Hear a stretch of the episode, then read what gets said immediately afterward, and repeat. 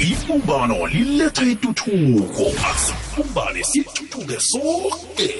The unity show sidishile nobubuda beat. Ironmanel focus umkhanyo wethu ukhanya phambi kwabantu. Kungelesine namhlanje uza kukhumbula bona ngikuvezele eminyakeni waka-2023 bona ngelesine singena ngaphakathi kwehlelo elithi isimilo sethu. Ngemva kwesimbi yesibili isimilo sethu kungakulahlekela konke empilweni kodwana ungalahlekelwa similo sakho. Namhlanje ngikhamba nojoman ngikhamba nojohannes wakwamthweni likutani yazithola ithinteka ekusebenziseni indakamizwa. Likutani ifundile mntwana ekhaya. Likutani ekhaya balinge ngamandla ukumsiza bona akwazi ukuthuthuka ngefundo athole umsebenzi. Kodwana ngenxa yokutheyista lento ekuthiwa sidakamizwa wazifumana impilo yakhe ihlangahlangana. Impilo yakhe ingasesengalindlela ababelethi bakhe bekade bayilindele ngayo. Lokho kukodwa kwamenza bona alahlekelwe ngokuningi okuhle ebekade kukhona ebekade anakho ebekade ahlele ukuthi uza kufinyelela. Akhe ngiyizwe ngaye ikulumo yanamhlanje kuzokuba mnandi ukuthi ngithi mbondo nomnikazi wendaba. Joman ngiyakwamukela kwekwezi yeche mna kwethu. Ngiyathokoza kakhulu ngithokoza kakhulu kwamambala ngithi yeche ngithi yeche nakubalaleli bekwekwezi FM kukhanya ba kukhanya ba mfana omdala kokuthoma ngithanda ukuthi kuwe uyikutani mfana omdala? Inkutana sizibona ngokuthi ziwe begodu zivuke begodu zihlonitshwe ngokuvuka kwazo ngemva kokuwa. Eh njengoba nasesikhuluma nawe namhlanje ilanga nelanga uzitshele ukuthi ngiyikutana ekhonileko ukuhlula isitha ebekade sijame phambi kwami. Akhe sibahlathulele kafeatureana ujoman ngibani? Ujoman nje sesibeka abantu emkhumbulweni. Ujoman eh ujohannes wakamthweni okhulele ephola e-office ona 39 years onomntwana omfana oyi-one okhe wasebenza professionally wagcina lingeke kakhulu naye azithola sekabhema izidakamizwa inyawupe particularly. Eh shuthi intshintshela impilo ngendlela yokuthi letha ngiyancancabeza joman la ukhona ngathi kunomoya. Ngathi kunomoya mfana omdala ungachita eh ube sendaweni ethulileko ngikwazi ukuthi ngizwe yonke ikhulumo yakho.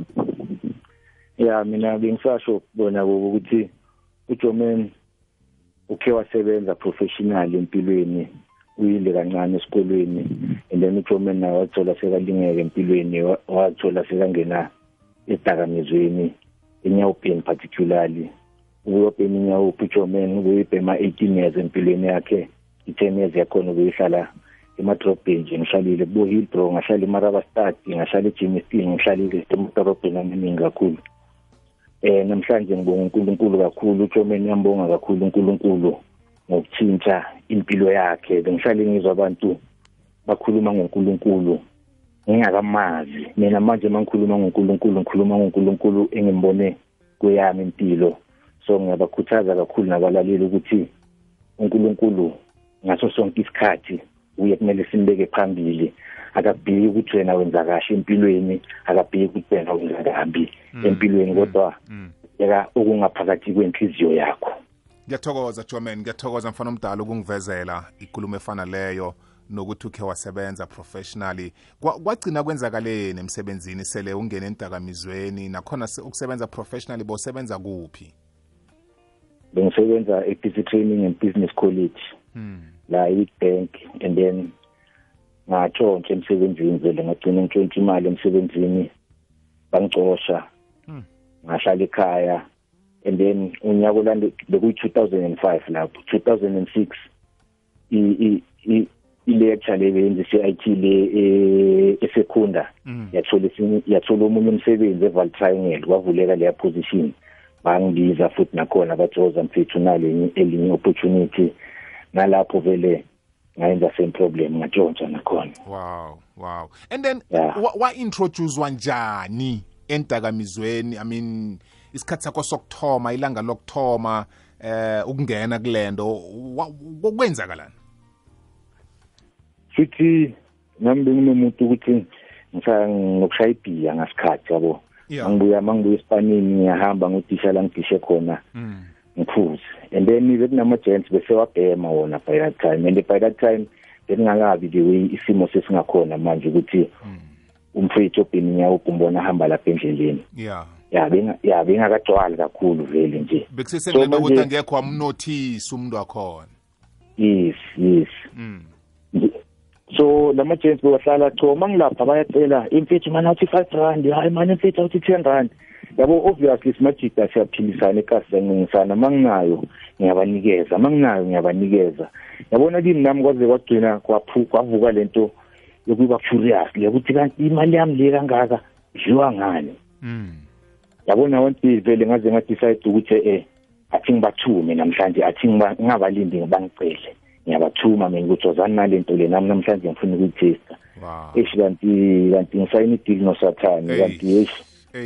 Ya and ebuyidemeni kwami yangipha ama reason amaningi ukuthi ngiyibone ngathi into elungile empilweni yami leyo nto. Mm. because leso sikhathi bengiphuza ibhiya eh mangibheme yona ngabhema kayi-one nge-fifty rand kuphela mara ngadakwa to the extent yokuthi ngathi ngiphuza amabhiya amaningi. So ngazibona ngathi ngizosave empilweni mangibhema lento because ngidaka masinya ngisheshe ngilale masinyane. And then ma, ma sexually ikwenza mawusaqala ukuyibhema vele sexually ikwenza uzizwe umjida vele ukwenza ube strong ikwenza eh umama savuka bonge ekuseni vele mangabe bobheme yona mawusayicala mara so yangiphana le reason ukuthi siyabona mawubhenile mina. Mawuhambe ulanda umuntu wakho lapha uba uba indoda uyazizwa nawe vele uyagijima uba right. Njengoba sithanda ukusebenzisa izinto eziningi so kakhulu empilweni masi masi masizoye ecansini so nayo yangipha iyafana nazo lezi zinto ezinye izabo Viagra so vele yiko nazo zi addictive mawungaqala wazisebenzisa ugcina into yakhona ungasaphumi kiyo.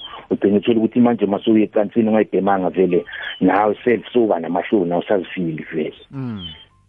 So ya ya ya nje yangikhanyisela ukuthi hayi mfethu uzoba crane ezintweni eziningi. Kanti and the iyakulahla more the Jome more uyivakashela kancane the more uyivakashela yona kanti iyangena egazini yona. The more wena udlala ngayo Mm. yona iyangena egazini.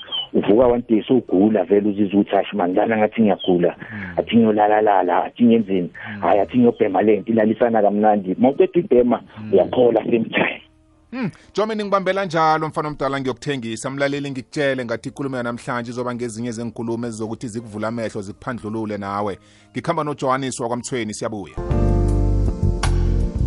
Right sibuyile sihlezi ku-23 minutes past 2 ngikhamba nojohannes ujoman wakwamthweni. Joman mfana omdala ngikuzwile na ngihlathulelako kwakuhamba njalo-ke kwafika la sowuzithola uthwayeleke khona nge-hiv kungiphe kancane kwenzakaleni? Weyifumene njani lento eh ish ngizoyichaza bobo kahle ngizoyichaza eh shuthi nyawo ukucala kwami ukuyibhema bengibhema ngenhlango vele ngimixa nenhlango ngezizwe la ngibhema ngathi ngibhema inhlango. Mm. so mase ngihlala edrobheni wayenzakala ukuthi siyaboshwa nama-gents vele amanye. So ngama-weekend banokwenza ama-operation nje ukuthi bathi bayabo- bayabophana vele banike ngama-monday. Saboshwa sakhona ungena nazo into zethu zokubhema but mina ngaswela ukuthi insango anginayo. And labantu engiboshwe nabo bayajova by that time. Mm. so ish nga nga- ngazitshela ukuthini? Mangizosebenzisa le naliti kayiwana ngeke ngigule. And eh, naliti siya leso sikhathi anginayo mina kumele angiboleke lo muntu nje kumele sibolekane lapha endlini siyi-four inaliti yi-one. And then siphethe amanzi omunye makaqeda ukujova sayigeza vele ngamanzi sayigeza. Ah emcondweni wena uzozitshela ukuthi clean ngoba uyibona ngamehlo ngathi clean. But ngaphakathi kwayo inaliti i- i- i-light kakhulu inaliti vele noma noma uyifunda la ngaphandle ibhaliwe ukuthi use once only. Even bayise- ngiyisebenzisa mina ngiyi-one kumele ngiyisebenzise kayi-one so lekubhemeni vele awekho enough. Agcine sibolekana. And then from there ngayizwa imnandi kakhulu ukudlula the way bengiyibhema ngakhona ngisayibhema ngensango from there nami ngasithatha ukuthi sengiyazijova nami sengibhema ngokujova. Kwaba i-challenge ukuthi vele amanalidi manginganawo siyabolekana. Kanti asazani nokwazana omunye ubuya le omunye ubuya le omunye ubuya le. And lapha phakathi kwethu abanye bayagula nokugula. And then namsho 100% vela ngingadoubt ngagcina ngijova ngenaliti engiwuleke umuntu one-HIV so ingako siyikakaramba foundation vele sibona ukuthi kubalulekile ukuthi kumele sifundise abafethu laba abasabhemayo. Not not to say siba encourage ukuthi ababheme or abajove but ingako siba encourage ukuthi mabaye bakuhlole batheste sibatele nokuthi mabangabolekani ngamanaliti ingako sizamana ukuthi mhlambe masingaba nendlela esingabahlanganisela ngayo abanaliti eh sikhona ukuthi siba supply encourage ukuthi babheme but siyabakhathalela ukuthi babe safe. Ukuthi ngelinye ilanga umuntu uzoyiyekela inyawo ubhebhathela ukuthi Mm. sekaguliswe i-HIV and eh, bayasaba nokwetesta mabaye emaklinik bayajajiwa leyo bajajiwa ngakhona babiziwa ngamagama leyo babiziwa ngakhona. Obvious nami ngizodlalela ekudeni indawo la ngingaphatheki kahle khona. So ngicela ukuthi nje si- si- si- sibavulele izandla. Ya si- sibasupporte si- si- si- sizame nokuthi sibasize ngendlela enye nenye singakhona ukumsiza ngayo. Yazwakala joman and then ke mhlambe emindenini enabentwana abazukulu em abazithola nabo seba makhoba wesidakamizwa senyawupe ungabayelelisa uthini em ekutheni ke bakhona ukuqalana nalento nokuthi bangapheli ithemba lokuthi ngelinye lamalanga omunye wabantwana aba uzayilisa lento? Emindenini number 1 bobo ngicela ukuthi mabahlale emthandazweni. Mabahlale ekuthembeni ukuthi uNkulunkulu khona and uNkulunkulu akahluleki. Number 2 ngicela ukuthi bavule i-platform yokuthi lo muntu obapha inkinga endlini mangingafika isikhathi kuye sokuthi adecide ukuthi mina angiyafuna ukuphuma kule nkinga le makube nendlela yokuthi uzokhona ukudlulisa leyo mlayezo endlini because ukhumbule bobo abazali bethu ngokubhema sibamoshe kakhulu sibatshontshele kakhulu sabahlazisa kakhulu emphakathini. So sebavale iminyango like ukuthi noma umuntu ungabe uthi uyamtshela ukuthi sengidinga uncedo mina awusayitholi naleyo nale- nalelo thuba lelo bese vele ngigcine ngiyachubeka le engiyenzayo vele. mm. Mm. so kona angisho ukuthi kuzoba lula kona. Nothi sekuzoba lula but ngiyacela ukuthi endlini makube noyi-one oba umngani wakho ococa naye singamphakeleli ngaphandle kwef Hmm, Joman? Yeah, Joman imqondile. Yo. Yano eh sithikamezwa inetwork ngalesi sikhathi kodwa nabe sele sesisemaphethelweni wenkulumo yethu bengifuna anginikele inomboro ze Kakaramba Foundation eh egcineni la ungakhona ukuthi ke uba uba ubathinde khona. Kodwa na ke ke ngibone ukuthi asinazo eduze ukukunikela zona mlaleli nakuthi nawe udinga isizo. Eh ngiyazi ukuthi uzokuthola uthando masango eh oyi oli- olilunga le le, le Kakaramba Foundation.